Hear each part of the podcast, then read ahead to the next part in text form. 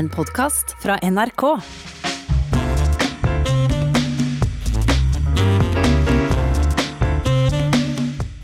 Dette er ei tid å merke seg for eh, de som har sans for europeisk eh, samtidshistorie. For om ei dryg veke er det 30 år siden Margaret Thatcher gikk av etter 11 år som britisk statsminister, og nå søndag er det 15 år siden Angela Merkel ble valgt til tysk eh, forbundskansler. To helt ulike kvinner som på hvert sitt vis har sett sitt preg på Europa. Så eh, velkommen til deg, Storbritannia-kjenner Øyvind Brattberg. Takk for det. Og til deg, Ingrid Brekke, journalist og forfatter med lang fartstid bak deg i Tyskland. Takk for det. To helt ulike kvinner, sa jeg, men er det likevel mulig å finne en fellesnevner for deg, eh, Øyvind Brattberg? Det måtte da være altså et, et egnet startsted måtte være at de begge har har stanget hodet gjennom glasstaket, så å si, og evnet å klatre til topps i sterkt mannsdominerte eh, konservative partier i møte med en, eh, en ganske så maskulin politisk kultur. Og begge har evnet å øve sterkt lederskap og vært ubestridte ledere over et betydelig tidsrom. Eh, det er i hvert fall et startsted. Ja, og så er det kanskje dette med vilje til makt, og, og, og, og til å bruke makta, Ingrid Brekke? Ja, det er klart at uh, ingen av de ville kommet noe sted hvis de ikke hadde hatt uh, stor og sterk vilje uh, til makt. Så tenker jeg at kanskje en annen likhet er at de ville nok ikke likt å bli sammenligna. Altså, ingen av dem var vel spesielt opptatt av feminisme, likestilling, sånne ting. Eh, og der har jo Merkel blitt litt mykere med årene, og hun har jo også omgitt seg med kvinner og har hatt kvinnelige rådgivere gjennom hele karrieren. Eh, og har mange kvinner i sin regjering, men Thatcher var vel mer kjent for at hun var den eneste blant menn. Ja, nå er jo mange opptatt av, av The Crown i disse dager, og vi skal sikkert vende tilbake til, til det, men der er det jo iscenesatt en slik i en samtale mellom eh, Margaret Thatcher som nokså fersk statsminister i møte med dronningen selv, og hvor hun blir spurt om er det ingen eh, kvinnelige statsråder planlagt. Så sier hun jo det at, liksom litt uforstående at eh, Nei, det har hun da, har hun da ikke tenkt. Hun har fest, fester ingen lit til, til kvinner i, i, så høye posisjoner. De blir for lett overmannet av følelser, så de vil hun helst styre utenom. Dette er jo en eh, replikk i en dramatisering av det som skjedde. Ingen vet hvordan orda fall mellom Tetzschner og, og, dronning Elisabeth, men kunne de ha fallet slik som dette, Brattberg? Det, det, kunne de. Jeg tror eh, det, det, at Margaret Thatcher aldri har blitt sett på som noen eh, feminist, nesten tvert om, er jo på et vis et argument i, i samme retning. Hun var først og fremst et, et, et, en sterk leder, en sterk person, meget prinsippfast politiker og var eh, i liten grad opptatt av myke verdier, og gjorde svært lite nummer ut av å skulle endre noe på den eh, maskuline politiske kulturen som råder i, i det britiske House of Commons og i, i regjeringskontorene. I det hele tatt den politiske kultur hun ble omgitt med, den tok hun som den var. Eh, og hun kjempet tilbake med tilsvarende midler som hun var blitt møtt med. Hvis de to skal gi et eh, miniportrett av bakgrunnen til de to kvinnene, hva er da verdt å, å merke seg? Hvis vi tar Merkel først, eh, Ingrid Brekke. Ja, Merkel har jo denne helt spesielle bakgrunnen med at hun uh, var Helt til hun var 35 år, så, så levde hun i, i diktaturet DDR.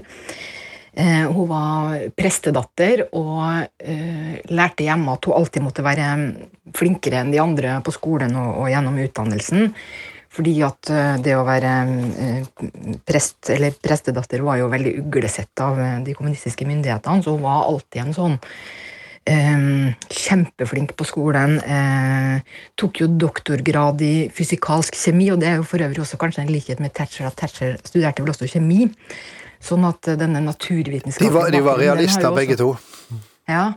Og denne naturvitenskapelige bakgrunnen den har, har jo også på en måte prega Merkel sin måte å drive eh, politikk eh, på. Hun er jo kjent som en sånn eh, kriseløser og veldig, veldig sånn hyperrasjonell. Eh, og fordi hun har denne spesielle bakgrunnen, så har hun nok også vært veldig opptatt av å bevare institusjonene og hvordan demokratiet eh, fungerer, og at hennes rolle som leder er å forvalte dette systemet eh, best mulig. Hva vil du si om Tetchers bakgrunn? Hva former henne sterkest? kjøpmannsdatter med en meget sterk far. Hennes mor sies det meget lite om, men, men, men faren, som som kjøpmann og også som eh, metodist. altså hans, Både hans eh, religiøse lære og hans eh, kjøpmannsbokføring var veldig sterke verdier hun bar med seg inn i det, i det politiske. Og så ble hun veldig preget av krigen. Thatcher var født i 1925, så hun var 20 år ved krigens slutt hadde Churchill som et, et veldig sterkt politisk og menneskelig forbilde, og så jo da verden i svart-hvitt-termer, kan man si, i, i tråd med krigens logikk, hvor ikke bare nazitrusselen og, og, den erfaringen fra, fra, krigsårene var med, men også den røde fare, som fremsto for henne som, en, som en, en, skrekkelig fiende som måtte bekjempes. Hun ble jo statsminister i 1979, eh, og det var jo på et av frysepunktene i den kalde krigen med Sovjets invasjon i Afghanistan. Det måtte jo på en måte bekrefta eh, kaldkrigstankegangen til Tetzschner? Absolutt, og denne tanken om at man må, må møte hardt med hardt, så å si, og stå, og stå frem med fysisk og militær tyngde, det var liksom noe som, som syntes åpenbart for, for Margaret Thatcher. En, at, at, styrke skulle være det Storbritannia måtte fremstå med. Det er jo fascinerende dette, fordi at i 79 så var det et av frysepunktene i den kalde krigen. Da kom Thatcher til makta. Ti år seinere, i 1989, så hadde alt snudd. Da fall muren. Og det ble inngangen til Angela Merkels politiske liv, Ingrid Brekke. Ja, hun ikke eh, Hun var jo ingen opposisjonell i det der. Hun hadde sin egen boble hvor hun gjorde forskerjobben sin og leste masse bøker. Og så faller muren, og så kommer hun ut i den frie verden, kan man kanskje si, og bestemte seg for at hun skulle inn i politikken. Og så gjorde hun en sånn helt vanvittig lynkarriere. Så hun endte jo Altså Under et år etter murens fall så, så satt jo hun i, i Helmut Kohls eh, regjering og var blitt minister for, eh, for barn og unge. Og Derfra så gikk det jo bare oppover. Hun satt i flere regjeringer, og så var det jo da at hun ble kansler i 2005. Sånn at hun er jo et, et uh, Hun fikk jo denne nye given i et nytt uh, Tyskland, og har på en måte Jeg tenker ofte på som inkarnasjonen av hva Tyskland har uh, blitt. Vi sitter her og eh, snakker om eh, de to eh, markante kvinner, Margaret Thatcher og Angela Merkel. Og tilbake til Thatcher. Du nevnte Øyvind Brattberg at hun var sterkt prega av den kalde krigen. Det var der hun henta mye av sitt politiske tankegods. Men likevel blir det vel sagt at det var Thatcher som første gangen oppdaga Mikhail Gorbatsjov og mente han var en eh, kar en kunne gjøre forretninger med, og, og formidle dette til den nyvalgte, relativt nyvalgte president Ronald Reagan. Det stemmer, det. Og hun gled jo inn i en sånn eh, en, eh, en rolle mot det kalde krigens slutt som var en slags sånn tredjepart eh, med, med, Reagan og, og Gorbatsjov. Og det sier jo også noe om hvilken Eh, status hun etterstrebet for Storbritannia. Helt naturlig at de skulle spille en helt eh, sentral rolle på den eh, globale arenaen og trekke veksler på dette spesielle forholdet til USA, parallelt med nærheten geografisk til, til Sovjetunionen og denne opplevelsen av å kunne snakke med, med begge parter og hjelpe å bringe dem sammen. Det var hun, eh, det var en, en eh, posisjon hun, hun, nøt, vil jeg si, gjennom 1980-årene. Men, men, den, den eh, skildringa av Tetzschner kolliderer jo litt med denne bildet vi har av den steinharde som ikke kunne endre mening. Det, det, er sant. det. Hun erfarte nok at eh, Gorbatsjov erfarte med rette at Gorbatsjov var av en annen støpning enn eh, hans forgjengere som eh, blant sovjetlederne, og at endring var på vei, og at den endringen måtte man komme i møte. Det er også et, et veldig interessant poeng ved hennes EU-skepsis, bl.a. En, en tale hun holdt i i 1988, som har blitt nærmest fått en sånn bibelsk status blant britiske EU-skeptikere I den talen så, så snak, snakker hun jo Brussel midt imot. Men samtidig så, så tar hun også for seg drømmen om et langt bredere europeisk samarbeid, hvor østblokken ikke lenger er en østblokk, men hvor man er forent i en slags eh, felles eh, eh, opplevelse av frihandel, menneskelig vekst, demokrati og, og, og, frie økonomier. Og hun været nok at den kalde krigen faktisk var nær sin slutt, selv om hun nok ikke var forberedt på at verken hennes tid som statsminister eller, eller eh, den kalde krigen skulle plutselig få en, en, eh, sin avslutning i 1990. Eh, Margaret Thatcher kom jo til makta bare et år før eh, Ronald Reagan, eh, overraskende for mange europeere, ble valgt til president i, i USA. Og de ble jo svært eh, nære. Men ville hun trivdes med en Donald Trump i Det hvite hus? Det, det, tror jeg ikke hun ville. Altså, det er jo en sånn eh, Det, det er lett å, å, glemme fordi man har Spesielt når man skal undervise om, for, unge mennesker om, om Thatcher og, og, hennes politiske prosjekt. Det er lett å glemme hvor grunnleggende moralsk og prinsippfast det var. Også dette preget av en sånn protestantisk arbeidsetikk og, og, og moral og slikt. Og hun ville nok ikke, ikke hatt mye sans for Trumps stadige brudd på politisk eh, Altså på grunnleggende høflighet og, og kutyme. Hun var sterkt orientert mot eh, rette og rimelige spilleregler. Hard i klypa, visselig, men også veldig opptatt av å være korrekt. Til deg, Ingrid Brekke. Bratberg nevnte her den protestantiske arbeidsetikken. Mellom Trump og Angela Merkel har det jo virkelig skåret seg. Har det med protestantisk arbeidsetikk å gjøre? Ja, nei, det, det, vet jeg ikke. Men, men, eh, det har i hvert fall med måten å snakke på å gjøre. For det har jo altså Merkel har vært veldig veldig opptatt av at man skal eh, være anstendig og behandle også politiske motstandere med respekt. Og man skal overhodet ikke bruke dette populistspråket som, som brer om seg. Og det er jo Trump den aller eh, største representanten for nå. Men, men selv om de to ikke har funnet noe sånn akkurat personlig kjemi, så er det jo aller høyeste prioritet å, å, ha et godt forhold eh, til USA. Og tyskerne og Merkel tror jo veldig på at man må alltid, alltid snakke sammen. Eh, sånn at det er en grense for hvor dårlig det eh, tysk-amerikanske forholdet kan bli. Og Samtidig så vet vi jo at Angela Merkel er en uh, svoren tilhenger av uh, det europeiske prosjektet i form av EU. Uh, der hadde du jo en veldig kritisk uh, Thatcher, som du var inne på, Øyvind Brattberg. Ja, absolutt. Hvilken retning tenker du på? Altså, Hun var vel ikke noe særlig tilhenger av europeisk integrasjon?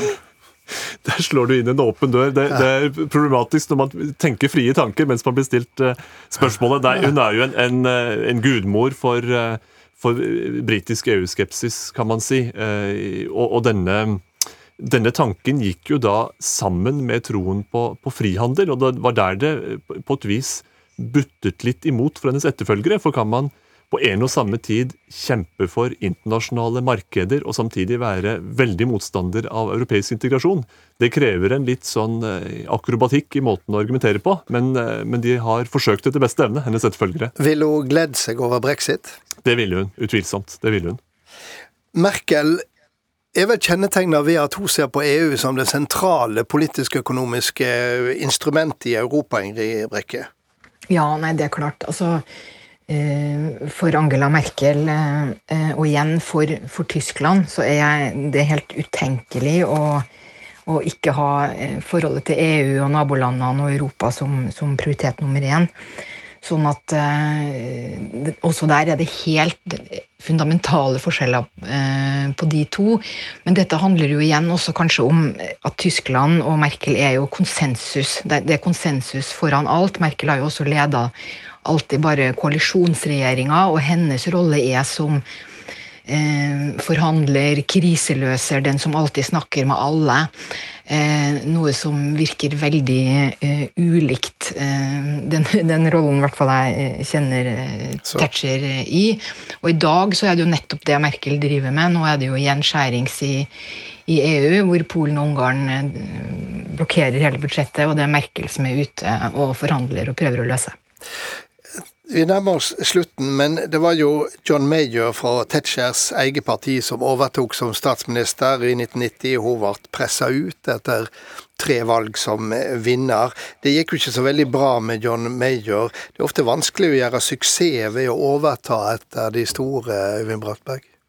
Det er vanskelig å, å um, være etterfølger. Og det, dette med John Major er jo også enda en indikasjon på de endringene som Thatchers konservative parti eh, gikk gjennom, fra det å være et litt sånt uh, halvt aristokratisk parti for, for uh, nedarvet velstand via Margaret Thatchers middelklassefornuft til John Majors veldig sånn frittstående opp, oppvekst i indre by av London og med, med frierier og frie tanker i mange retninger.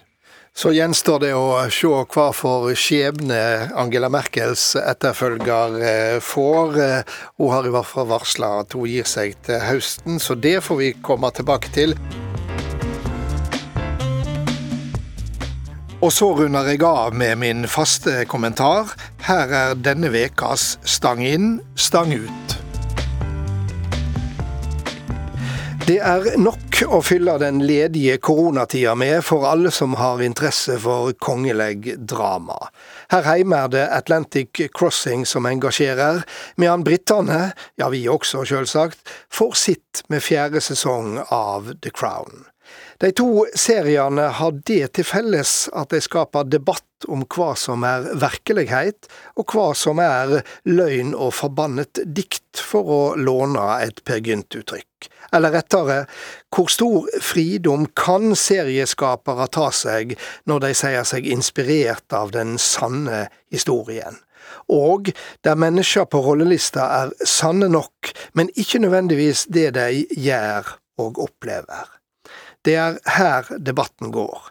For ingen dreg i tvil at dramatisering av virkelige menneskes liv i et høgst virkelig avsnitt av historia alltid vil inneholde en viss fridom fra det som egentlig skjedde.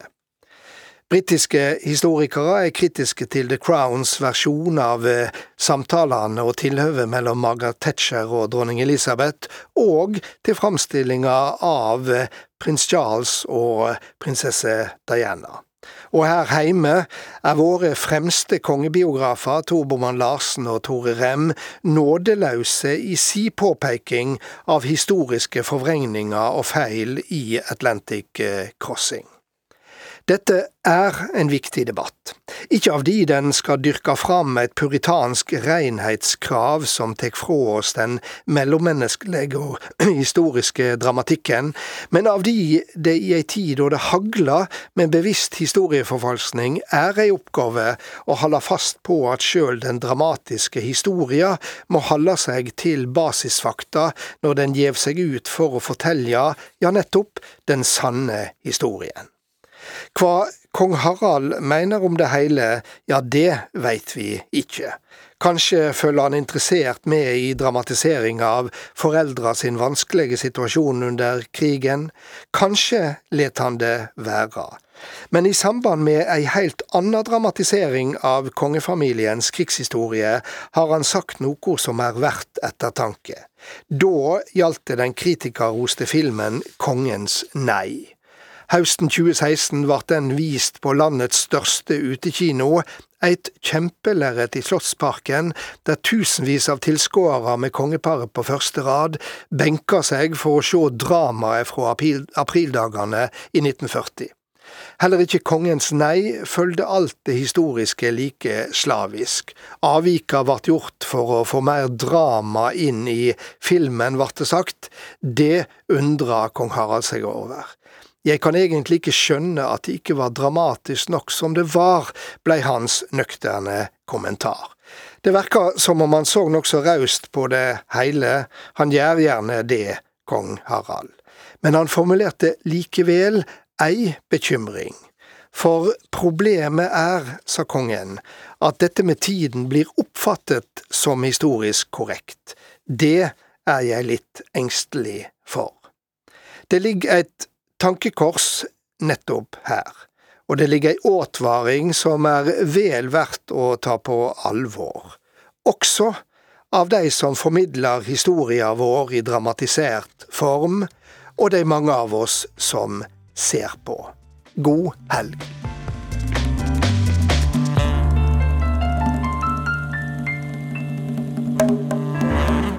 Du har hørt en podkast fra NRK. Hør flere podkaster og din NRK-kanal i appen NRK Radio.